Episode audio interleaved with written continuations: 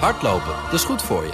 En Nationale Nederlanden helpt je daar graag bij. Bijvoorbeeld met onze digitale NN Running Coach... die antwoord geeft op al je hardloopvragen. Dus, kom ook in beweging. Onze support heb je. Kijk op nn.nl slash hardlopen.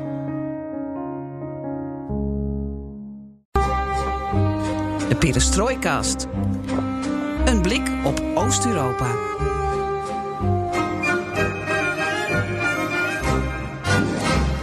Welkom bij deze extra BNR Perestrooikast. De 29e aflevering alweer van de enige podcast van Nederland... die volledig oog voor het oosten geeft. Deze podcast doen we helaas zonder Geert-Jan. Uh, je hoort hem wel in onze volgende aflevering over het verraad van de Balkan. Een extra podcast dus, want we moeten het even, even hebben over Poetin. Die veroorzaakte een schokgolf binnen en buiten Rusland... vanwege zijn grondwetswijzigingen en het ontslag van zijn regering... inclusief zijn trouwe premier Medvedev. En daarvoor, om dit onderwerp te bespreken, hebben we twee gasten uitgenodigd. Niet de minste. Uh, naast mij Michel Krielaars, met wie ik tegelijkertijd Rusland-correspondent was in Moskou. En tegenwoordig is hij chef boeken bij NRC Handelsblad en schrijver van Alles voor het Moederland en het bekroonde brilletje van Tsjechov. Waarvan ik heb genoten, want je ziet Michel door Rusland banjeren terwijl hij de mooiste verhalen optekent. Blij om te zien, eh, Michel hier. Uh, niet in de studio, maar vanuit Moskou onze moppetapper Joost Bosman. Uh, hij laat zich dus dit keer van zijn serieuze kant zien. Uh, tikt zich deze dagen blauw over Poetin voor het FD en het AD. Dag Joost, heb je toch nog een mop voor ons op het eind? Ja, zeker. Ik heb er mogelijk zelfs twee. Eén hele korte en die gaat ook echt over de situatie van de week. ik hoop dat je hem begrijpt dit keer. ja, anders heb ik, ook, heb ik altijd nog Michel die mij die mop misschien gaat uitleggen. Dat kan altijd. uh, dan het bekende rieltje dat Geert-Jan en ik altijd samen doen. Want je weet het inmiddels, alles ten oosten van de rivier de Elbe kan de komende weken, maanden, jaren in deze podcast worden besproken. En wat leuk is, is dat wij heel sociaal en democratisch zijn. En dat je ideeën kunt inbrengen via Twitter, het Perestrooikast, of mail ons op perestrooikast.bnr.nl. En dan doen we zeker wat met je ideeën. Ik ben Floris Akkerman.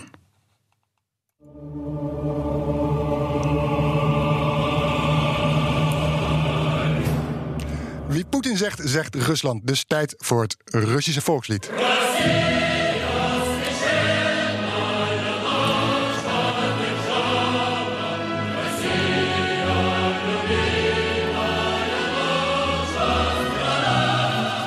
Michel gaat er bijna bij staan. En nog even de volgende aankondiging. Дамы и господа, президент Российской Федерации Владимир Владимирович Путин. Thank you.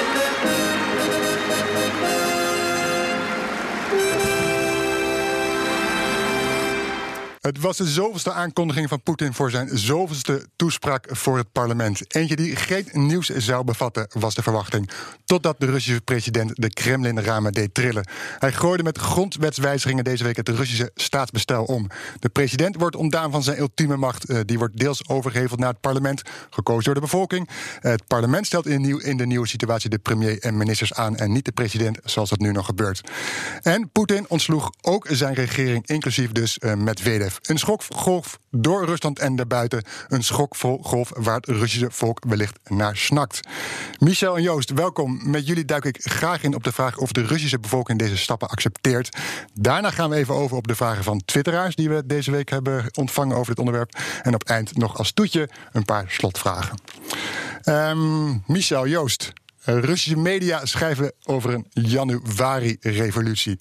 En jullie, heeft Poetin een reden aangegeven, Michel, uh, voor deze opmerkelijke stappen? Nou, ik heb, het, ik heb het in ieder geval niet gehoord. Het kwam al als een donderslag bij heldere hemel. Hij had die jaarlijkse toespraak tot de natie. Mhm. of, uh, en, en vervolgens komt hij bij dit aanzetten. En je ziet ook reacties op Twitter en op Facebook... dat mensen echt overrompeld over, zijn. Out of the blue. Out Jij of ook. the blue. Ja. Ik ook. Ik vond het ook wel opzienbarend wat er gebeurd is. Ja, Joost, eh, heeft, heb jij ergens een reden gezien dat Poetin zei... van waarom, ze dit, waarom hij dit wil, waarom hij dit doet? Eh, wat, wat hij eigenlijk min of meer suggereerde de laatste weken, maanden eigenlijk al een beetje speelt, is dat er meer verdeling van de macht moest komen. Hè. Het, in die was het niet helemaal verrassend natuurlijk dat het in zo'n pakket van elf maatregelen, geloof ik, uh, in, in, de State of the werd aangekondigd, waardoor het heel concreet wordt. Of heel concreet, eigenlijk nog niet eens, maar in ieder geval concreet wordt. Uh, er zijn al maanden geleden, schreven eens bijvoorbeeld de, de, de, de parlementsvoorzitter, Duma-voorzitter Walodin, die mm voorpagina van Racistica Gazeta, uh, open in krant een heel groot stuk over. De staatskrant eigenlijk, hè? Racistica Gazeta. Ja, dat de, de, de, de, de, het parlement hervormd moest worden, meer macht moest krijgen, bla bla, meer, meer, meer bevoegdheden moest krijgen. Dat, dat ik dacht van, hè, wat, waar komt dit ineens vandaan? Uh, maar goed, uh, dat, dat was al een beetje een aanwijzing. In retro-perspectief denk ik nu van ja, dat heeft hier misschien al mee te maken gehad. Poetin heeft zelf in zijn uh, internationale persconferentie hè, in december, die hij elk jaar geeft, voor de internationale, nationale, internationale pers, die die marathon zit in voor vier uur, -huh. heeft hij ook over, over gezegd hè, dat, dat het woordje over, over de, de, de, de presidentsverkiezingen, dat de president met twee termijnen achter één volgens president mag zijn zei hij, daar werd een vraag over gesteld. En toen zei hij al van het woordje achtereenvolgens kan misschien wel geschrapt worden. Met andere woorden, uh, een president mag sowieso nog maar twee uh, termijnen hebben. Uh, of het nou achter elkaar is of niet, maakt niet uit. de truc dus die hij met, met Davis destijds heeft uitgevoerd, dat hij dat interim premier is geweest en vervolgens weer twee termijnen, zou daarmee uitgesloten zijn. Dat leek uh, eventjes heel democratisch. Maar goed, het was in ieder geval een aanwijzing, een aanwijzing dat, dat, uh, dat er misschien iets aan zat te komen. En in die zin was het niet helemaal verrassend, maar ik ben het met Michel eens dat, en, en met jou ook, dat de Kremlin-ramen toch wel trilden. En politiek Moskou op een uh, grondvesten schudden. Want dit, zo had niemand dit verwacht. Nee, er eh, Poetin is uh, bezig aan zijn. Uh, hij mag tot twee, 2024 president blijven. Dan heeft hij twee termijnen gehad als president. Dan mag hij dat niet vervolgen. Um, sorteert hij al voor, denken jullie, op wat daarna gaat komen met deze verandering of deze voorstellingen, Michel? Nou, je ziet wel dat er, dat er onrust is binnen de machtselite over de opvolging van Poetin. -huh. en en je, je, je, we weten allemaal dat Poetin kan niet weg uit zijn functie. Want hij heeft natuurlijk allerlei wetten overtreden en als hij ambteloos burger is, dan uh, dreigt de vervolging. Maar het belangrijkste is natuurlijk dat hij de belangen van zijn vriendengroep, de mensen die de, de dienst uitmaken in Rusland, blijft uh, behartigen. -huh. dan moet hij aan de macht blijven. -huh. Dus het is natuurlijk, hij, de, in 2021 komen de parlementsverkiezingen aan. Het is belangrijk dat je dus nu al iets hebt. Hè, want stel dat die partij van Poetin het heel slecht doet in die verkiezingen. Nu kun je al die dingen, uh, die nieuwe maatregelen doorvoeren. Want het is natuurlijk een, een, een pro-Poetin parlement. Je hoeft op een knop te drukken en ze zeggen allemaal ja. Ja, maar die, die, dan zou die premier zijn voor een partij, Verenigd Rusland. Ja. Dat is dan niet de partij die, uh, die volle zalen trekt momenteel. Nee, maar kijk, ze zorgt natuurlijk altijd wel voor dat deze partij de meerderheid, in ieder geval de meerderheid in het parlement zal behouden. Mm -hmm. Of gaat hij iets doen met het Volksfront, wat hij ooit een keer heeft opgericht? Dat hij dat misschien uit de mottenballen haalt. Ja, je kan, je kan nog alle kanten op. Kijk, er, ja. er is ook een scenario dat hij uh, voorzitter wordt van de staatsraad. Mm -hmm. in, in, instantie, een soort advieslichaam. Dat, uh, dat behoorlijk wordt opgetuigd. En dan is hij ook de baas van alles. Dat, dan staat hij boven de president, boven ja. de premier. Ja. Ik denk eerder dat het die kant op gaat. Joost, heb jij een idee welke kant het op gaat? Ja, nou ja, wat, wat Michel schetst, dat wordt hier ook allemaal gesuggereerd. Maar wat je ziet en wat je leest en wat je hoort ook op de radio, alle politicologen, alle experts die ermee bezig zijn, zeggen allemaal: uh, ze zijn op iets uit in het Kremlin. Dit is inderdaad wat jij zegt, voorsorteren op, op, op aanblijven van Poetin op wat voor manier dan ook maar. In ieder geval dat hij uh, een zekere mate, een grote mate van macht blijft houden.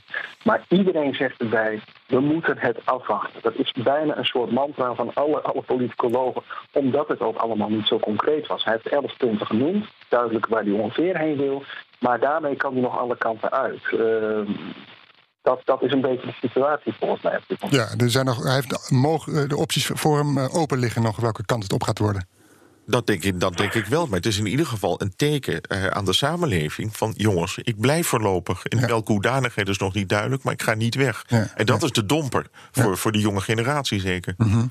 Michel, je hebt voor NRC drie boeken over Poetin gerecenseerd vorig jaar. Uh, Rus Russia's Crony Capitalism van Anders Aslund.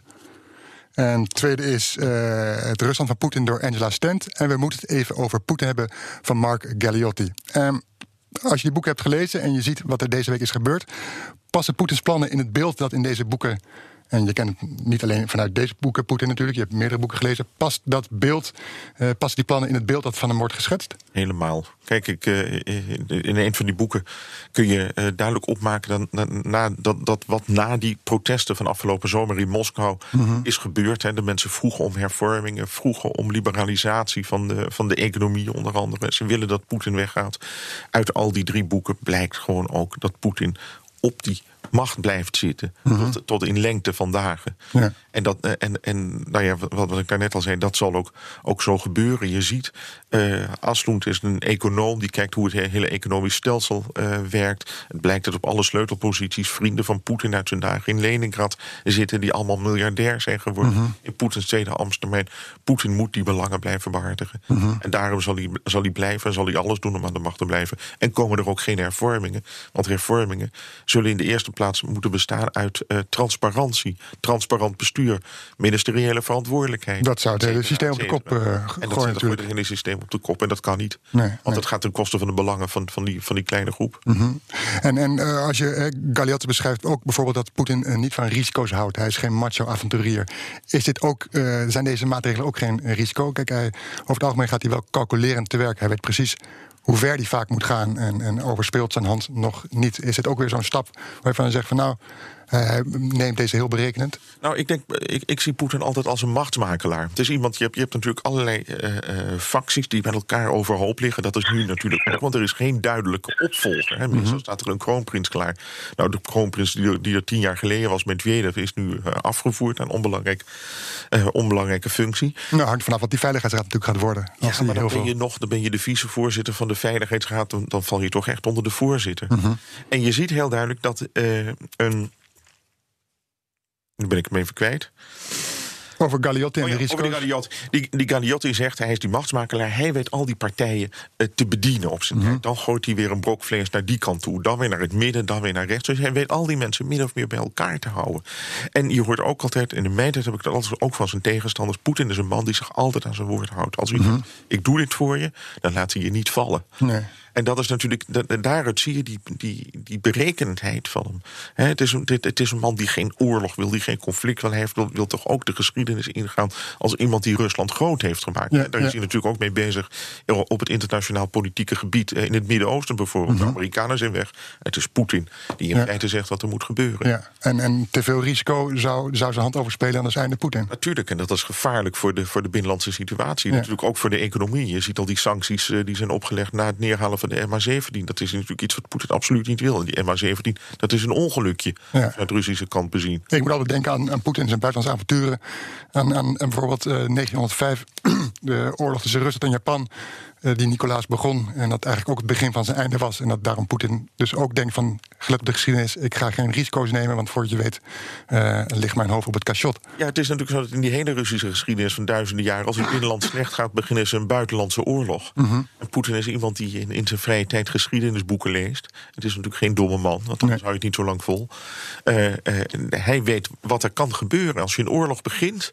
om het volk een beetje weer achter je te krijgen. Kijk, die annexatie van de Krim, hè, iedereen was mm -hmm. dol op Poetin. Mm -hmm. Maar het heeft maar even geduurd. Ja. Want ja. na het feest komt, uh, komt toch de teleurstelling. Ja, ja. Je stipt het al even aan, die loyaliteit. Poetin is trouw aan zijn mensen, doet wat hij zegt van zijn mensen, neemt het voor ze op of valt ze zelden af. Uh, ministers ontslaat hij misschien een handvol dat hij heeft ontslagen.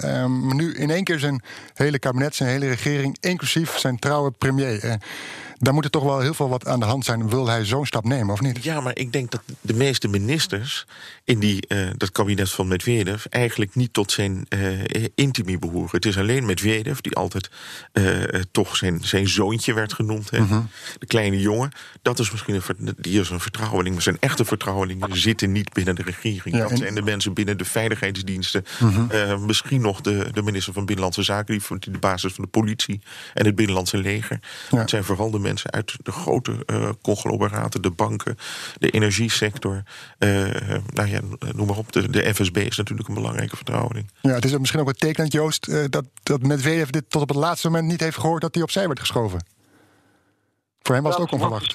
Uh, ik, weet, ik, weet, niet of dat voor Medvedev ook geldt. Uh, maar goed, het, in ieder geval de rest van die ministers... daar uh, had Medusa gisteren een aardig stuk over... dat blijkt dat hij daar echt niet van afwist. Die werden bij de premier en de president geroepen en, en kregen het te horen. En waren echt in een soort shocktoestand, heb ik begrepen. Ja. Uh, van Medvedev weet ik niet. Ik kan me voorstellen, net wat Michel zegt, is toch een van de intimie nog wel van, van Poetin was het in ieder geval. Um, ik, ik, denk dat Medvedev, met, met, Medvedev het, het, het wel heeft geweten van tevoren. Maar goed, dat is mijn inschatting. Uh, overigens, als je ziet over die, die, die, die intimie van Poetin... als je kijkt bijvoorbeeld naar de annexatie van de Krim... Hè, daar is Medvedev niet stand. Dat is zelfs de minister van Buitenlandse Zaken Lavrov nee. niet van. Dat zijn maar vier mensen geweest. Ja. Is Poetin geweest. Uh, pa, hoe heet die? Uh, Patrushev, voorzitter van de directeur van de Veiligheidsraad... Uh, en Sergei Ivanov, die toen ook nog uh, chef-staf was, geloof ik. Hè, van, Mhm. van, van, uh, nou ja, goed, dat, dat waren maar ongeveer vier mensen. Poetin in kluis. Hè. Dat geeft al aan, er zat niemand van de regering bij. hoe, hoe klein die, die, die, die club van Intini eigenlijk is, wat dat betreft. Als het echt over dit soort zaken gaat, uh, dan, dan, dan kennelijk vertrouwt Poetin dan helemaal niemand, uh, ook niet eens in zijn eigen regering. Nee, nee, nee. Um, en waarom zou hij, Joost, Michel gaf het al een beetje aan, juist op dit moment deze stappen nemen? Waarom januari 2020? Ja, ja, begin van een nieuw jaar. Um, ik denk dat er meerdere redenen zijn. Het gaat slecht met Rusland. Er is veel kritiek op de regering. Dat is al jaren zo, maar het wordt erger en erger. Er moest wat dat betreft iets gebeuren. Wat Michel net al aangaf, uh, er komen volgend jaar parlementsverkiezingen aan.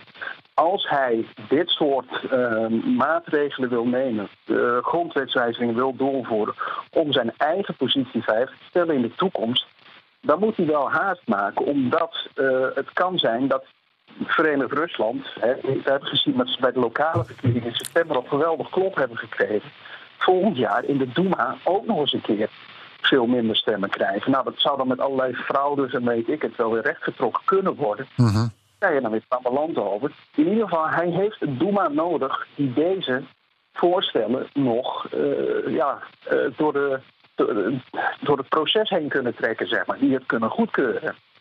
Dus in die zin uh, was er wel enige haast geboden. En je ziet het ook, daags na de aankondiging is er al een commissie van 75 mensen. nou, daags, die had hij al klaarstaan eigenlijk. Die, ja, die stond eigenlijk al klaar ja. natuurlijk. Ja, maar goed, het werd volgende dag aangekondigd. Dat betekent, het is allemaal al voorgekomen. Um, ik, denk, ik denk dat dit heel snel gaat gebeuren. En dan komt er nog een soort van referendum. Het mag geen referendum heten, maar goed, het wordt nog aan het voor, voorgelegd wat zij ervan vinden, hè, om het een, een schijn van democratie uh, te geven. Uh, en, en dan gaan deze maatregelen gewoon genomen worden, denk ik. Mm -hmm. Dus de, de, de stemming van de premier gisteren was ook iets van uh, 300 voor en 0 tegen. En 40 onthoudingen. Zo, Ja. gaat het, zo, zo zal het ook gaan de komende periode met deze grondwetswijzigingen. Ja, dat verwacht ik wel. Uh, deze Duma is nog helemaal op de hand van, van Poetin. Maar mensen als uh, en, en, en, en uh, de, de, van de LDPR, de ultranationalist, Mhm. en, en Gennady Zuganov, uh, al, al bijna 30 jaar communistenleider, die beginnen zich ook te roeren. Die beginnen ook ehm, ja, toch kritiek te leveren. Zirinovsky op zijn eigen wijze natuurlijk, hè, die, die, die schreeuwt het uit. Ehm, daar, dat zijn ook geen steunpilaren meer in de toekomst waar Poetin op, al te veel op kan gaan rekenen. Dus ik denk dat het, dat het voor hem snel moet gebeuren. Dat het nu door de Duma moet. Nu is de Duma nog op zijn hand. Mhm. En misschien is dat volgend jaar heel anders bij de verkiezingen. Na de verkiezingen, we weten dat gewoon nog niet. Hoezo verwacht je dan dat het, dat het verzet tijdens de verkiezingen zo groot is dat die Duma er totaal anders uit gaat zien? Of althans minder een, een, van voor, voor Poetin? Nou, we weten dat, dat de, de, de, de populariteit van Verenigd Rusland alleen maar daalt.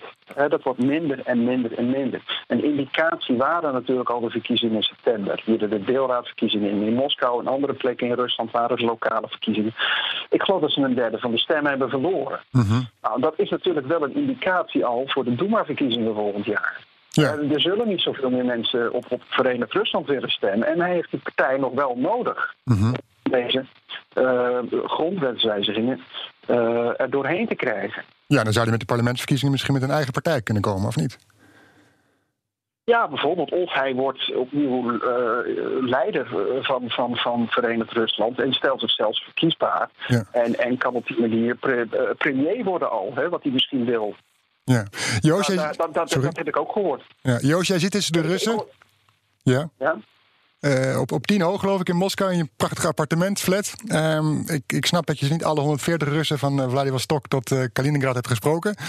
heb je enig idee of, of de Russen deze maatregelen van Poetin toejuichen? Of nou, misschien niet toejuichen is sterk, maar in ieder geval op, op, dat, ze, dat hij op goedkeuring van de Russische bevolking kan rekenen?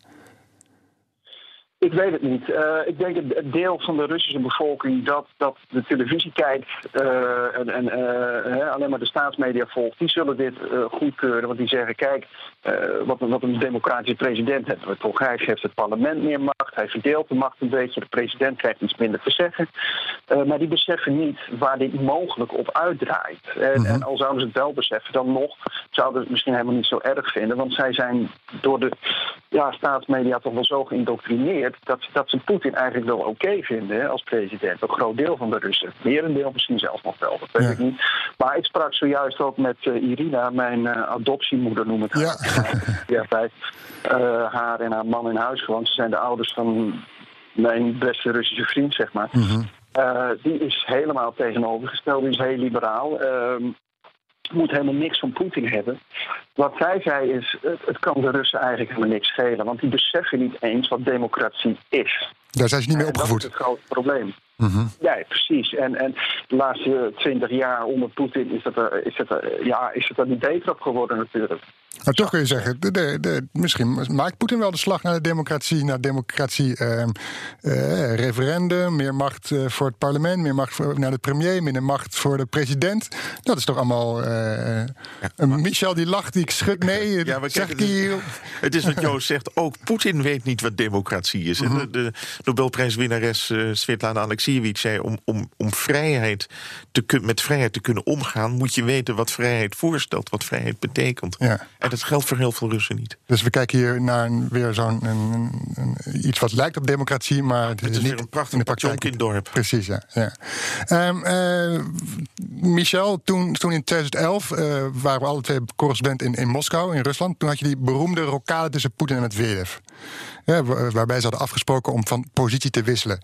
Poetin na vier jaar premier terug als president en Medvedev, die de omgekeerde route bewandelde. In die winter erop waren er protesten, eh, groot, grote protesten onder Poetin, voor het, eigenlijk voor het eerst, niet alleen in Moskou, maar ook daarbuiten in andere steden. Een van die redenen om te protesteren, om de straat op te gaan, was frustratie over die lokalen. Dat, dat mensen hadden gedacht: hé, hey, uh, dit wordt eventjes zo beklonken tussen die twee, wat, we hebben helemaal niks te zeggen. Nu kun je ook zeggen van, ja, uh, kun je nu ook zeggen van, dit wordt uh, eventjes over ons hoofd besloten. Er gaan heus wel mensen de straat op. Rekent Poetin erop of denkt Poetin, hier, hier kom ik wel mee weg? Ja, kijk, niet dat, dat die protesten er komen, dat, dat, dat is vrijwel zeker. Kijk, het interessante van, van afgelopen zomer, toen die protesten voor het eerst sinds al die jaren weer werden gehouden, was dat het een. Het, het waren niet alleen de jongeren, het was een doorsnede van de hele samenleving. Ik zag natuurlijk vooral jongeren die, die met die politiekat en muisspel mhm. spelen. Maar je ziet echt een verontwaardiging bij een veel bredere uh, laag in de, in de Moskouse samenleving, moet je dan zeggen. Maar je hoort ook dat in de provincie op kleine schaal uh, protesten zijn geweest. Uh, het is natuurlijk zo, die, die, die bevolking wordt toch mondiger en ziet veel meer van wat er in het buitenland gebeurt. En dat zal mhm. natuurlijk in die provincie waar je naar de staatsmedia kijkt minder zijn. Maar diegenen die een beetje op, eh, op internet actief zijn, die weten wat er te koop is in de wereld. Maar als ik naar die protesten kijk, het wordt nooit meer dan 50, 60 maar wat wil je? Kijk, er is altijd de 50, 60.000 demonstranten en een gigantische politiemacht. Kijk, mhm. daar rekenen ze natuurlijk, natuurlijk op. Kijk, die, die, demonstranten zullen niets voor elkaar krijgen, omdat het, dat machtsapparaat er tegenover mhm. staat zo gigantisch is. Joost, blijft rustig op straat na deze omzettingen van Poetin? Ja, en dat heeft met verschillende redenen. Eh, dat heeft verschillende redenen. Eh, A, uh, net wat ik zei, er is toch ook een soort, soort apathie. Hè, van als ze doen maar in Kremlin, wat, wat kunnen we er toch niks aan doen. B, uh, ja, er wordt wel gesproken van een januari-revolutie. Maar het is eigenlijk, ja, er is nog zo weinig bekend. Mm concreet gaat gebeuren, wat de wijzigingen gaan inhouden, dat mensen toch ook een beetje afwachten. Uh, degenen die politiek geïnteresseerd zijn, die, zijn er niet gerust op. Maar het is nog te weinig om, om, om massale protesten te krijgen. Ik, ik vroeg het ook nog aan Irina. Irina uh, deze week. En die zei ook van, uh, verwacht jij nou dat, er, dat de mensen de straat op trekken? Ze zei nee, dat gaat niet gebeuren. Uh, ja, het is, het, is, het is gewoon te weinig concreet. En in die zin is het geen revolutie, maar misschien een beetje een, een, een sluitende revolutie. Ja, de, de Navalny's die, die roepen niet alvast op om de straat op te gaan? Want die spreken van dit is een koep of dit is... Je eh, moet een eikpunt hebben. Dat, dat zullen wel. Dat Dat wel. zal, ja? Nou, nou, ja, Navalny heeft het wel veroordeeld natuurlijk. En heeft ook gezegd, dit, dit, dit is weer een zoveelste stap van Poetin om aan de macht te blijven. Maar hij heeft nog niet opgeroepen tot demonstratie. Dat zal wel in de aanloop naar die verkiezingen gebeuren. Als, Ja. er, dan al, als er al iets gebeurt. Ja. Kunnen we wel stellen van, van, ja, dat er wel iets moest veranderen? eh, dat, dat Rusland snakt naar verandering. eh, onvrede over de verhoging van de pensioenleeftijd en de BTW. Economie stagneert. Levensstandaard zakt omlaag. Een krimpende bevolking. Eh, vorig jaar was een onderzoek dat het aan de Russen dat zegt dat het land ingrijpende veranderingen nodig heeft. Dat was gegroeid tot eh 9 naar 59 procent. Bleek uit onderzoek van eh, het onafhankelijke eh, centrum Levada en Carnegie Moscow Center. Eh, jonge Russen verlaten meer dan ooit in de afgelopen tien jaar het land. Michel Joost, er, er moest blijkbaar wat gebeuren. Want dan, Nou, de eh, kinderbijslag is ook omhoog gegaan. Hè? Zeker Ja, de dat maatregelen klopt, van ja. gisteren. Dus er wordt toch iets gedaan om, om, om het, het volk Mhm. een beetje te paaien. Ja, die- dat moet je natuurlijk als, eh, als regering eh, af en toe ook wel doen. Want het gaat natuurlijk gewoon slecht op de Mhm. economie. dus maar moet je dan met zulke maatregelen als deze komen? Is dit dan iets waarvan eh, je het schip weer. eh, Nou, je kunt het ook als, als iets heel kinderachtigs eh, eh, beschouwen. Kijk, eh, vrienden van mij in Moskou zeggen altijd... we worden de- door onze regering altijd als kleine kinderen behandeld. Hè, van, we komen nu met, er komt meer democratie... en een beetje politiek geïnteresseerde Rus... weet dat het allemaal niet zoveel voorstelt. En vooralsnog. Dus die voelen zich altijd een beetje bekocht. En inderdaad, wat Joost zegt, die halen hun schouders op. Wat, wat stelt het eigenlijk voor? of heeft Poetin gedacht van nou, jullie willen veranderingen? Hier heb je het. eh, Ik denk dat ze zo. en Ik denk dat, dat het Kremlin. Kijk, Poetin. eh, Dat staat ook in een van die boeken van die Galliotti, geloof ik. Die krijgt iedere ochtend. Het is geen man die digitaal eh, leeft. Hij, Nee. hij doet niet aan computer, hij doet er niet aan, eh, aan smartphone. Dus hij krijgt iedere ochtend drie mappen: binnenlandse politiek, buitenlandse politiek en economie van zijn veiligheidsdienst. En dan leest hij die stukken en dan weet hij wat er, eh, wat, er aan de hand is. En dat is Mhm. natuurlijk iets. Daardoor heb je een hele beperkte visie op de samenleving. Ja. En hij, ik denk echt dat, dat Poetin en die, die kleine kliek om hem heen altijd denkt: we gooien ze even wat toe en dan zijn ze voorlopig weer rustig. ja. Joost, jij ziet het ook zo? Ja, ik denk dat met name de, de, de, de, het ontslag van de regering eh, en de aanstelling van een, een, een technocraat, uh, Mishustin, uh, dat het uh, voornamelijk een, een, een, een manier is geweest ook om tijd te winnen. Uh, het, het kan, nu kan hij even zeggen, nou kijk, uh, die regering die was van Medvedev, die was al zo lang impopulair.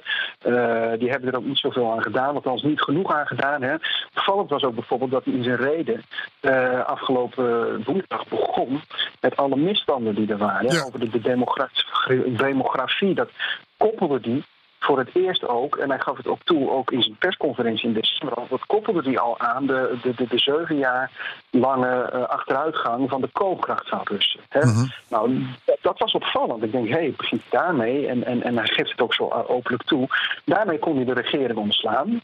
Hè? Dat gebeurde ook na afloop.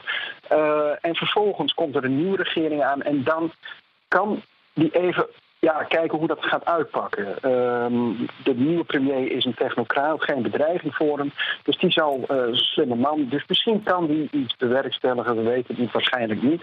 Maar hij kan het in ieder geval proberen een paar maanden, misschien een jaar, weten wij veel. Uh, en dat dan toch de, de, de Russen nog hoopvol kijken naar die nieuwe regering van nou, misschien wordt het nu beter. Ja, want met, met was het natuurlijk immens impopulair. Hè? Zeker, en dat was hij al jaren. Ja. Dat is hij eigenlijk vanaf het moment geweest dat de premier weer wordt. Uh -huh. dan kan hij uh, intussen kan Poetin die, die, die grondwetswijzigingen doorvoeren en, en, en, en uh, zijn, zijn positie veiligstellen. En die van, van zijn entourage inderdaad moet ook niet vergeten worden, wat Michel al zei. Uh, dan, dan, dan kan hij intussen dat veiligstellen. En, en nou ja, dan heb je weer een heel nieuwe situatie van waaruit hij verder kan, zeg maar. Ja, ja. oké. Okay. Tijdwinst. Je tijdwinst. Uh, even sluiten deel A even af. Uh, een, een onderrondje met z'n drieën. Gaan we even over naar uh, de vragen over, die we hebben gekregen op Twitter. Na een oproep van we hebben Michel en Joost in onze gast over een, over een Poetin-podcast. Um, vraag van Michael. Um, wordt Rusland met deze grondwetswijzigingen definitief een dictatuur? Wat, Okay. Michel? De, de Rusland is geen dictatuur en wordt ook mm -hmm. geen dictatuur. Waarom is het Rusland geen dictatuur? Daar wordt nog wel eens over gediscussieerd. Een dictatuur, dan, dan, dan moet je. Als, onder Stalin moest iedere burger vrezen voor zijn leven. Je kon voor het minste geringste worden opgepakt en worden doodgeschoten. Ja, maar je hebt ook verschillende soorten ja, dus, dictaturen. Of... Het, het, het, ik zie Rusland altijd als een uh, buitengewoon chaotisch land, slecht bestuurd en mm -hmm. uh, geleid door een uh, kleine kleptocratische kliek. Ja. Joost, wordt, is, is, wordt het pad geëffend naar een dictatuur hiermee? Ja, ik ben het niet zo eens. Uh, ik, ik, denk dat je Rusland op zijn ergst een, een autocratie kunt noemen. Hè? Ik bedoel, een president die wel uh, heel veel macht heeft, die die verticale macht, zeg maar. Hè? Zoals dat mm um, ik, ik, ik, denk ja, dat, het, dat het veel van hetzelfde blijft eigenlijk. Hè? Uh, net wat je zei, van, wordt het volk wat toegeworpen af en toe en vervolgens gaan we verder. Er komt wel meer repressie. Dat merk je wel. Dat hebben we afgelopen jaar al gezien. Dat werd ook gesteld door de, de, de, de, de liberale geesten in dit land. Uh, dat dat eraan zat te komen. Nou, dat hebben we ook wel gezien, denk ik.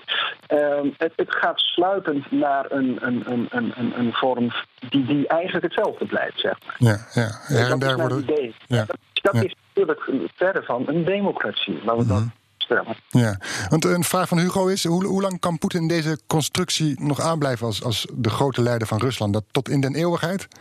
Ja. Ja. En dan, Brezhnev, ja, tot, tot, ja we, weten, we, weten, niet wat, wat, wat, wat bedoel je met deze constructie. Uh, deze ja, precies. constructie is helemaal niet duidelijk. En dat is het probleem een beetje op dit moment. We weten gewoon niet wat, wat, hoe het eruit gaat zien. Maar dat er iets uit gaat komen, dat lijkt me wel duidelijk. Ja, want hij kan, in, uh, hij kan premier worden, of hij kan in de Veiligheidsraad gaan voorzitten, of hij kan die staatsraad ja. uit, de, uit, uit, de, uit de kast halen en die uh, meer gewicht geven en daaraan voorzitten. Kijk, voor Poetin is het ja, belangrijk dat hij ergens hoog zit en dat hij mm -hmm. alle touwtjes kan blijven trekken. Ja. Het doet er niet toe in welke functie. Ja. Dat is ook een vraag van, van Reinier. Dus Ala Nazarbayev van Kazachstan. Die was vorig jaar ook, tot vorig jaar ook president. Trok zich terug. Is wel voorzitter geworden inderdaad van de Veiligheidsraad. Nog partijleider van zijn, uh, van, van, van zijn partij. Um, is dat iets wat voor Poetin is weggelegd? Zo'n Nazarbayev-scenario? Daar ziet het wel naar uit. Kijk, ja. je kunt je van Poetin ook niet voorstellen... dat hij als ambteloos burger in een van zijn vele huizen gaat zitten. Ja. En dat hij, niet zich, dat hij op het achtergrond aan het touwtje trekt... dat hij niet zelf hoeft. Uh... En dat je altijd bang moet zijn dat er op een gegeven moment iemand een mes in je rug ja. uh, steekt. Ja, maar hij heeft wel één keer, uh, toen hij premier was, met Weder was president, toen met Libië, daar heeft hij waarschijnlijk wel van geleerd: van ik moet niet te veel touwtjes loslaten. -huh. Kan hij, als hij daar op de achterbank zit, genoeg invloed uitoefenen? Nou, daar zal hij wel voor zorgen. Kijk, het is wat Joost zegt, niets is duidelijk op dit mm -hmm. moment. Mm -hmm. Ik denk dat het enige belangrijke voor hem en voor, zijn, uh, voor, voor, voor, voor, de conctie om hem heen is dat, dat ze mogen, de dienst mogen blijven uitmaken. Ja. Daar gaat het zo om. Ja, ja. Um, een vraag van, van Michiel Driebergen, onze man in Polen, Oekraïne en Wit-Rusland. Um, die is, uh, je hebt de, de, afgelopen weken, maanden was ook vooral gesproken over het Unieverdrag tussen Wit-Rusland en Rusland, waarbij uh, uit eind 19, 1999, waarbij Rusland en Wit-Rusland één zou worden. Je zou het kunnen zien als een inlijving van Wit-Rusland door, door Rusland. Daar, die kant leek het op te gaan. Lukashenko, de Wit-Russische president, houdt de boot nog af. Um, zou dit een op kunnen, zou dit deze stap van Poetin op maat kunnen zijn naar een nieuwe uniestructuur met onder andere Wit-Rusland, Belarus, met afzonderlijke parlementen die weliswaar meer zeggenschap krijgen over de regering, eh, maar daarboven een centrale figuur, Poetin wellicht, eh, met nieuwe bevoegdheden en, en, en sterke hand. Volgens mij ligt dat hele, uh, die hele operatie stil op dit moment. Wit-Rusland. Ja. ja. En Wit-Rusland is, ik, ik sprak een jaar geleden, dat is ook alweer lang geleden in het proces, de, de Wit-Russische ambassadeur in Nederland. En die zei dat zal nooit gebeuren, want dat willen we niet. Dat wil Wit-Rusland natuurlijk niet. Die heeft geen zin om, om, uh, om Poetin boven Lukashenko te stellen. Mm -hmm. Maar ja, je ziet dat de Russen wel doen, steeds maar onderhandelen over die energieprijzen. En zie, zie maar Rusland van je af te houden, dat is natuurlijk vers 2. Joost, wat, heb jij een idee van hoe dat uh, verder gaat met Wit-Rusland? Nou, misschien is het een van de redenen dat Poetin op dit moment met deze grondwetswijzigingen voorkomt. Misschien heeft hij inderdaad aanvankelijk uh, gedacht van we moeten die Unie in het leven roepen. Uh, want als die Unie er is, dan is er een heel nieuwe situatie. En kan ik in 2024 misschien wel president worden van die hele Unie. Hè? Rusland, mm -hmm. Wit-Rusland, aan mijn eigen president is ik, wordt uh, president van het overkoepelende orgaan. Een beetje hetzelfde wat, wat Milosevic in, in, in Joegoslavië heeft gedaan. Hè? Die was president van Servië, had de tweede termijn erop zitten. Mm -hmm. En vervolgens is president van Joegoslavië weer geworden, ja. hij toch nog voor het zegt. Nou, misschien dat Poetin daarop had gerekend. Uh, Michel zegt ook dat het proces ligt een beetje stil. Lukashenko wilde niet aan, die toch de eigenzinnig wat dat betreft. De Wit-Russen willen het ook niet. En misschien dat daarom Poetin uh, ja, deze mogelijkheid voorlopig in ieder geval in de koelkast heeft gezet. En denkt van ik moet het op een andere manier aanpakken. Ik moet nu zien dat ik ofwel eh, voorzitter wordt van die Veiligheidsraad, ofwel van die Raad van State, die staatsraad. Eh, en wat was de derde variant? Premier. Ja. Dat zou kunnen dat hij daar nu op inzet. Eh, het is Poetin wel ten voeten uit dat hij inzet nu op vier mogelijkheden: Wit-Rusland en die andere drie die ik net noem. Eh, hij wil altijd meerdere keuzes hebben. En, en daar, ja, dit, dat past, deze voorstellen en ook die Unie met Wit-Rusland, past helemaal in dat plaatje, denk ik. Ja, ja. En, en een vraag van Jos. Eh, lopen er, is er al iets bekend van opvolgers? Eh, staan die in de, in, de, in de gang te trappelen? Poetin is zometeen in 2024 eh, ruim 70. Michel schudt opnieuw zijn hoofd. Nou, ja, dat, Shoigu, dat, dat is juist het grote, die, Shoigu. Dat is, de- Minister van de- Defensie. De minister van Defensie, voormalig brandweercommandant van, van Rusland... en, en voor de, hoe heet het, minister van de Rampenbestrijdingsdienst. Die heeft toch niet dat gezag, Nee. merk je aan alles. Dus eigenlijk, dat- die, want die werd een tijdje naar boven eh Ja, die, die geduwd. trekt altijd met Poetin door de bossen. Ja, maar toch is hij het niet. En dan, dan zie je al die criminologen. Kijk, kijk, kijk, hij is nu op, met vakantie met die Shoigu. Hij in Siberië, dan lopen ze samen rond. En dan, die Shoigu vindt zichzelf ook heel belangrijk. Maar ik denk dat Shoigu geen eh, eh, genoeg steun heeft binnen die machtselite. Voorlopig is er niemand, Er is na niemand. Poetin. En dat Nee. maakt het natuurlijk heel onzeker binnen, die, bi- bi- binnen het hele Kremlin. Wat is er aan de hand? Het is toch, kan toch niet die ene man zijn met die drie kameraden van de, de Veiligheidsraad, eh, de Mhm. geheime dienst en eh, de stafchef van het Kremlin, Mhm. die, die het allemaal bepalen? Waarschijnlijk wel. Ja, Joost, zie jij opvolgers eh, die, die staan te trappelen om Poetin, eh, stokjes over, Poetin stokje over te nemen?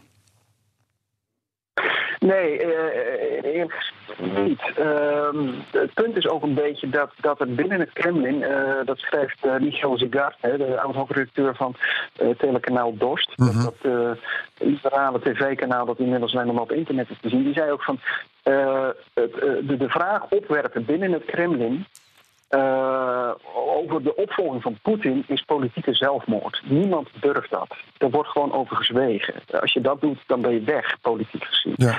Nou, eh, dat is één. B, eh, weten we het dan, al zou er iemand zijn, ik noem maar Shoigu, ik geloof het ook niet, maar dan nog, eh, er wordt heel veel gespeculeerd. Nu ook over de premier bijvoorbeeld, hè, Shabyanin, de burgemeester van Moskou zou het worden, eh, Alexei eh, Kudrin, eh, oud-minister van Financiën en, en altijd terugkerend eh, onheilsprofeet, hè, die wel kritiek durft te uiten op, de, het economische beleid van, van de regering. Ehm, ze, hadden, ze zaten er allemaal naast. En wat dat betreft, dat is een, toch een kenmerk van de Russische presidenten. Niet alleen van Poetin, maar ook van Yeltsin. Dat ze altijd met verrassingen uit de hoek komen. Hè. Ehm, eh, Yeltsin, toen Poetin zelf werd aangesteld als premier eh, aanvankelijk en, en, en, en vervolgens min of meer gepoest werd als president, hadden de Russen ook iets. Die, en, de hele wereldgemeenschap die is in vredesnaam Poetin. Nee, dat was dat moment een kleurloze, kleurloos mannetje eigenlijk. Natuurlijk, en niemand kende hem ook eigenlijk. Hij was chef van de FSB, baas van de FSB, van de Veiligheidsdienst. Dus in die zin had hij wel een zekere bekendheid. Had ik was af en toe een interview gegeven. Maar gemiddeld genomen wist niemand van de Russen en niemand, zeker in het buitenland, wie Vladimir Poetin was. Dat was een grote verrassing. Nou, en, en Poetin zelf, we hebben het al eerder gezien, houdt ook van verrassingen. Uh, en hij zou ook, denk ik, met zijn opvolger, ja. Uh, ik, ik, denk dat wij, dat wij dat absoluut niet kunnen inschatten wie dat wordt, omdat hij de wereld daarmee zal gaan verrassen. -hmm, dat is een -hmm. beetje mijn inschat. Ja. Um, een vraag van Bart. Uh, kent Rusland eigenlijk iets dat vergelijkbaar is met een impeachmentprocedure? Kan de president worden afgezet? Ik... Uh, zeker. ja, Als kan hij dat? Hoe, hoe dan? Nou, we hebben het gezien. We hebben, we hebben het tegen Jeltsin een paar keer gezien. Hè. Die is in, in 1990 is er nog een impeachment-procedure tegen hem mm -hmm. door de communisten. Vanwege het, het, het, uh, de oorlog in Tsjetsjenië, uiteenvallen van de Sovjet-Unie. Uh, uh, genocide op het Russische volk en er was er nog. Uh, vierde ben ik even kwijt. Maar goed, dat is toen niet doorgegaan omdat Jeltsin is afgetreden. En Poetin hem heeft opgevolgd en hem verder uit de wind heeft gehouden voor verdere strafrechtvervolging. maar uh, er bestaat officieel uh, inderdaad een uh, impeachmentprocedure. Sterker nog, artikel 93, ik heb net nog even nagekeken, van de grondwet gaat daarover. Michel die kijkt terug met grote ogen. Dat, Vol dat je even vol ontzag dat je even artikel 93 eh, uit je kast pakt. eh. Nou, je, hebt, je hebt de Russische grondwet thuis in je boekenkast staan, of niet? Wat zeg Ja, je? ik ken hem uit mijn hoofd. Ja, dat, Nee, ik- ik- we gaan je over horen. Ik zal heel eerlijk bekennen, ik heb hem nooit gelezen, maar ik heb er niet eens ingezien, maar ik heb het even gegoogeld. Ah, heel goed. Eh, ja, dat zijn zo de verworvenheden van Niet- deze niet eh, eh, nee, niet gejandext. Ehm, dus die, die, die, die, die, die, die, eh, ja, dat, dat, dat, die, die- die mogelijkheid bestaat er inderdaad. Mhm. Op papier. Hè?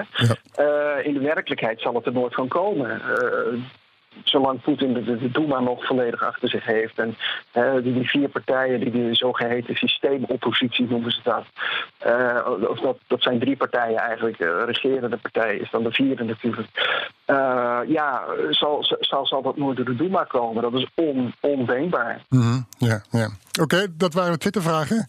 Laatste paar vragen. Ehm, ehm, eh, Poetin was lang aan het woord, zoals van ouds. Had een lap tekst weer. Eh, had het niet alleen over grondwetswijzigingen. Hij kwam ook in zijn toes- toespraak met andere maatregelen. Zoals de grondwet krijgt voorrang boven het internationaal recht.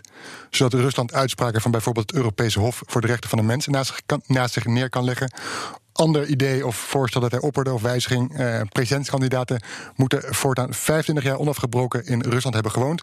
In plaats van de huidige 10 jaar. Ze mogen geen dubbele nationaliteit hebben of beschikken over een verblijfsvergunning in een ander land. Dan maak je de weg, als we kijken eh, naar het laatste, eh, steeds smaller voor types eh, die, waar je het niet zo op hebt. Bijvoorbeeld Navalny, Radakowski, Michel. Ja, je sluit er heel wat uit. hè. Ja. Het is natuurlijk, als je, als je dat beziet, het gaat natuurlijk over, over heel veel goed opgeleide eh, Russen die vaak in het buitenland hebben gestudeerd. Mhm. Nou, daar houdt het al snel op. Ja. Joost, even naar die, naar die grondwet. eh, die voorrang krijgt boven het internationaal recht. Ehm, dat maakt Rusland straks zometeen ongrijpbaar voor. Voor, eh, nou ja, misschien ook wel, ik weet het niet, voor eh, MH17 of voor andere. Ja, De Amerikanen doen hetzelfde, hè? Mhm. Vergeet dat niet. Ja. Ja, ja, maar ik, ik, het, het, het, het opvallende was toen ik eh, v- van de week met Irina sprak, mijn adoptiemoeder, zeg maar. Die is Ja. zeer goed geïnformeerd, leest uh, Nova Gazeta, die, die, die luistert alles, die praat erover. Eh, die, het eerste wat ze zei toen ik haar vroeg van wat vind je nou van die grondwetswijziging? Dit was het eerste waar ze mee kwam. Ze zei, ach, weet je, die, die, die, eh, die, die stappen van Poetin om, om de macht te behouden, die hij wil nemen, die wijzigingen, twah, dat is een zoveelste stap, dat had ik al lang verwacht. Dat, daar kijk ik niet meer van op. Maar zij vond het zorgwekkend dat mm, uitgerekend dit punt aan de orde kwam. Hè, dat Rusland zijn eigen wetten boven het internationaal recht wil gaan stellen. Daar zit zij heel erg mee. Want ze is bang dat Rusland allerlei rottigheid gaat uithalen en dat het niet terecht zal kunnen staan voor de rottigheid die het in het verleden in Oekraïne op de Krim al heeft uitgehaald. Eh, daar is zij samen heel erg bang voor. Ja, en, en verder, wat, welke punten vielen jullie nog verder meer op? Hadden nog zoiets van, nou, dat is ook nog wel belangrijk om even te melden van wat hij heeft gezegd? Blijf stil.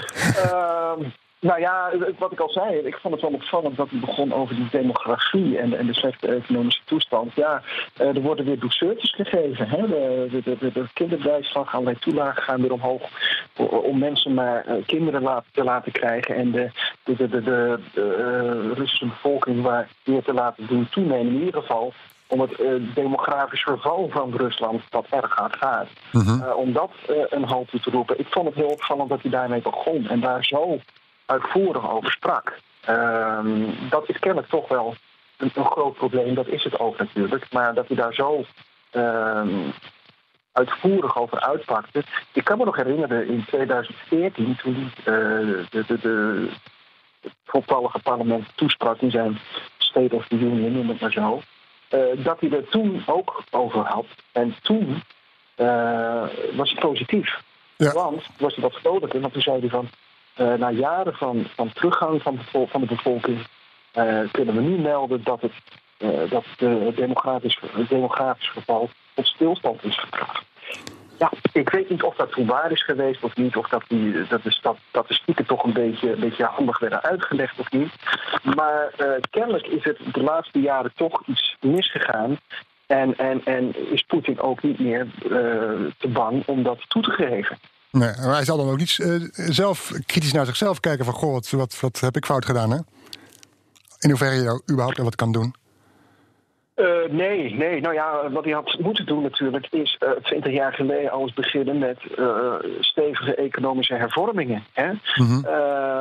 hij had de Krim niet moeten annexeren. Hij had nou ja, de, de hele wereldgemeenschap niet tegen zich voor een groot deel in het uh, zit, voor een groot deel tegen zich in het harnas moeten jagen. als dat allemaal niet was gebeurd, dan waren er gewoon nog investeringen in Rusland geweest. Als je de rechterlijke macht is had omgevormd, dat het uh, de, de, de, de, de, de, rule of law eens een beetje op poten had gezet, dat ook buitenlandse investeerders zich veilig voelen in Rusland, ja, dan was het economisch gezien allemaal veel beter gegaan. Mm -hmm. En dan was het ook waarschijnlijk met die, met, met, met die de, de demografische verval niet zo ver gekomen. Ja, Michel, Poetin die. Nou ja, ik zie het. Kijk, er, er is nooit lange termijn planning hè, uh-huh. in, bij die Russische kabinetten. Dus daar, daar zie je waar het uh, misgaat. Ja. En, dan kom je weer uit bij het belang van die kleine machtselite. Hè, de financiële belangen van, van, van uh, die groep rondom Poetin, die het belangrijkste is. Uh-huh. Die gaat boven de wel, het welzijn van het land. Ja. En dat wreekt zich toch, wat Joost ook zegt, uiteindelijk wreekt zich dat toch. Je hebt economische hervormingen nodig. Je moet zorgen dat er werkgelegenheid is in die provincie buiten Moskou. Ik geloof 80 of 90 procent van de economie gaat rond in Moskou. Ja, klopt. Niet in Siberië. Mm -hmm, Al die mm -hmm. steden met één fabriek, 100.000 inwoners waar niets te doen valt. Nog diversificatie van de economie. Nog steeds olie en gas leunend. Dus dat is, dat is heel tragisch voor het land. En je kunt je heel goed voorstellen dat goed opgeleide jonge Russen denken: ik heb hier eigenlijk helemaal geen zin in. Ja. Ik ga gewoon naar Duitsland, ja. naar Nederland. Ja. Kunnen we dan uh, als afsluitend verwachten dat, uh, wat we al een beetje zeiden van. Uh, uh, het blijft ongeveer hetzelfde eigenlijk. Ja, de, de, belangrijk iets is in de nadagen van de, de Sovjet-Unie was altijd gezegd, het was, was een uitdrukking, we, we hebben de zastoi, de stagnatie. Mhm. Eigenlijk heb je nu ook al, al jaren stagnatie. Ja. En af en toe wordt er een beetje, wordt er een beetje window dressing gedaan van uh, we, gaan, we maken een belangrijke stap voorwaarts. En uiteindelijk slaat het natuurlijk helemaal nergens op. Ja. Joost, uh, er verandert niks. Poetin heeft voor zichzelf nog alle opties open.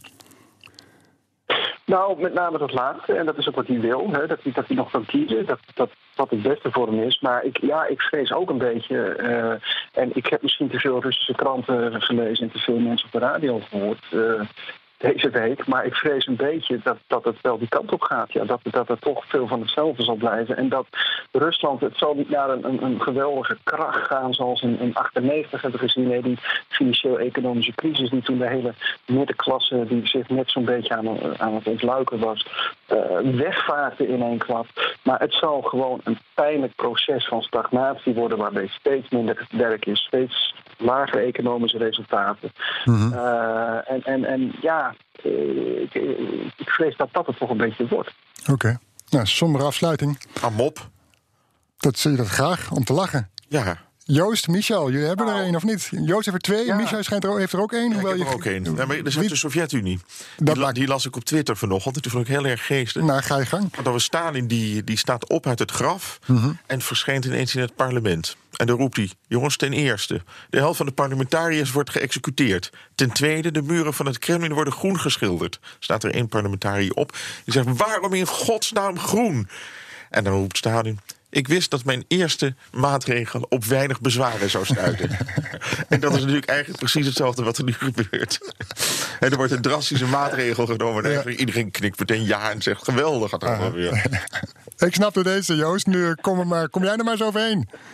Je moet zelf ook ja, lachen. Ik las, er, ik las er ook eentje vanmorgen op internet. Uh, Vladimir Vladimirovich, uh, wat is dat voor een uh, papiertje daar op uw tafel waarop geschreven staat: geachte burgers van Rusland, afblijven Dima, dat zijn mijn nieuwjaarswens. Prachtig, mooi. Ja, je, had er, ja, ja, ja, je had er nog één of niet? Ja, of bewaar je die liever? Ja, kan ik ook doen. Nee, nee, nee, ik wil hem toch, we willen hem toch graag weten. Michel, die. Oké. Okay, ja. okay. Luister met rode oortjes. Goed. Het gaat ook over Poetin. Uh, Poetin Weer Poetin. brief. Weer Poetin. Ja, het gaat deze week alleen maar over. Dat kan ook eigenlijk. We moesten ja, het dus, toch over hebben. Ja, uh, er, komt een brief bij Poetin uh, van, een, uh, van een vrouw uit, uit, uit Siberië die schrijft: Ik ben Valentina Ivanovna en ik ben 65 jaar, ik woon in Siberië.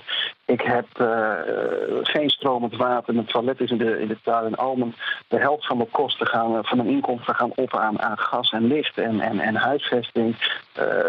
Ik, ik, heb weinig te eten. Vladimir Vladimirovich, waarom uh, voert president Zelensky van Oekraïne de Minsk-akkoorden toch niet uit?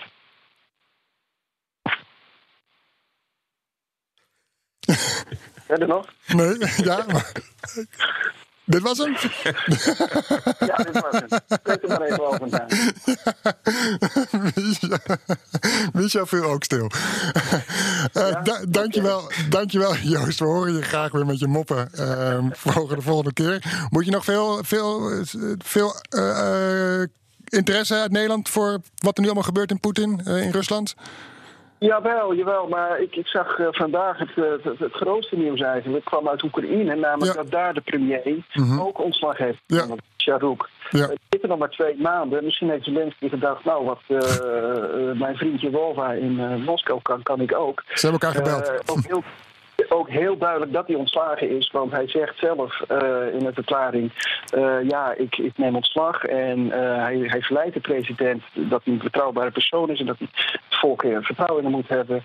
En dat hij, en dat is dodelijk bijna, het volste recht heeft om zijn kabinet te beoordelen op effectiviteit. Mm -hmm. Andere woorden, hij is ontslagen, denk ik. Ja. Ja. Ik begreep dat hij. Ja, dus daar ga ik eens even naar kijken. Hij had ergens geroepen dat, uh, dat Zelensky helemaal geen verstand had van economie. Ja, Daarmee had hij benadeeld. Ja. Ja. Ja, dat zou, daar zou hij geen uh, vrienden met Zelensky nee. mee hebben gemaakt. Nooit saai in Oekraïne. Nee. Michel, jij ben je nog bezig met een nieuw boek van plan? Jazeker. Over de, de, ik ben een boek aan het schrijven over het klassieke muziekleven onder Stalin en Khrushchev. Over mm -hmm. wat er mocht en wat er niet mocht en hoe componisten gek werden gemaakt. En ik heb alleen één iemand gevonden, een soort jazzzanger uit de jaren twintig... die op een gegeven moment uh, naar, uh, wordt verbannen omdat hij homoseksueel is. Naar Tjugodka, daar helemaal in het mm -hmm. noordoosten van de Sovjet-Unie. En daar staat zo'n mooie concertgebouw is daar neergezet... voor al die ballingen, al die verbannen muzici... dat hij nooit meer weg wil. Nee. Zo mooi is het. Geweldige akoestiek, geweldige muziek. Daar ga je dus naartoe, of niet? Maar blijven. Daar moet ik heen, ja. Mooi, ik ben benieuwd. Met de trein, hoop ik. Ja, met de treinreis is het mooist. Dankjewel, Michel, uh, chef boeken bij NRC Handelsblad... en oud-Rusland-correspondent en schrijver van Alles voor het Moederland... en het bekroonde brilletje van Tsjechov. En we wachten op je volgende boek. Joost, jij ook bedankt uh, vanuit Moskou. Uh, correspondent voor het FD en het AD. En we horen je hopelijk snel weer met de volgende mop. En de volgende keer horen jullie Gert-Jan ook weer over het verraad van de Balkan. Paka. Калинка, калинка моя, в саду ягода, малинка, малинка моя. Dankjewel, Joost. Ja, graag gedaan. Joost was gezellig. Ik hoop je februari ja, te zien. Ik ook. Ja, gaan we afspreken. Jo. Lijkt me leuk. Zet hem op, hè? Ja. Yo.